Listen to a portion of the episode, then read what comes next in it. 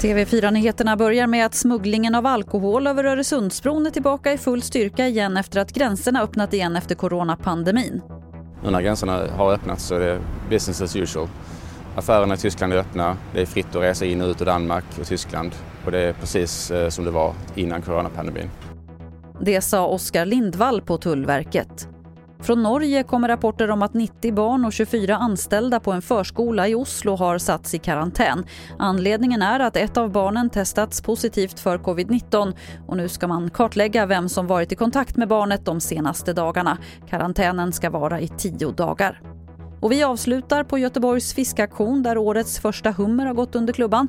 Kilopriset landade på 34 000 kronor i år. Ett riktigt fyndpris med andra ord om man jämför med 2012 då kilopriset landade på rekordhöga 102 000 kronor. Det var det senaste från TV4 Nyheterna. Jag heter Lotta Wall.